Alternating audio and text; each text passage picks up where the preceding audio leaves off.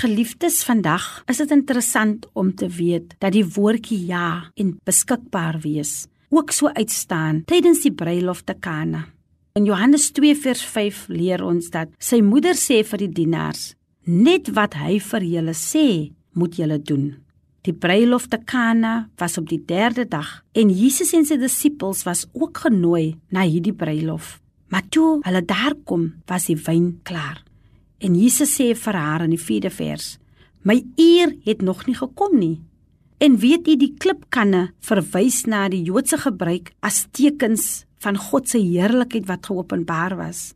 Toe dit onmoontlik lyk, daar was geen wyn meer nie en al die gaste is nog daar, openbaar Jesus sy krag. Ons kan soms te staan kom voor dieselfde situasie. Ons het dalk nie genoeg nie of ons selfs niks en dit lyk onmoontlik in daardie oomblik. Maar hier bewys Jesus dat ons onmoontlike saam met Jesus verwek 'n geleentheid.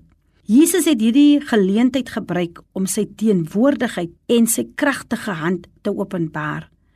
Waar Jesus is, gebeur wonders. Somstyds mis ons so 'n oomblik.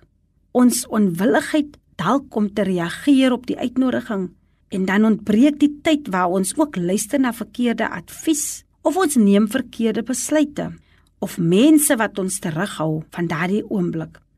Kom ons erken wanneer dit die regte tyd is en die regte oomblik om te sê Jesus, ek is gereed, gebruik my. En wanneer hy opdaag, gebeur die onmoontlike. Ek weet nie watter onmoontlike situasie u self in verkeer. Plaas u vertroue ten volle in hom, want hy sal 'n wonderwerk laat gebeur. Plaas u vertroue in hom en hy doen die wonderwerk.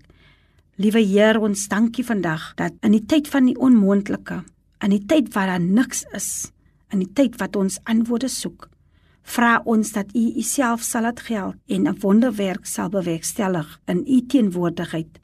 Help ons om na die regte advies te luister, na U stille luisteraar te wees, want U het vir ons altyd die regte advies. En ons dankie daarvoor in Jesus naam. Amen.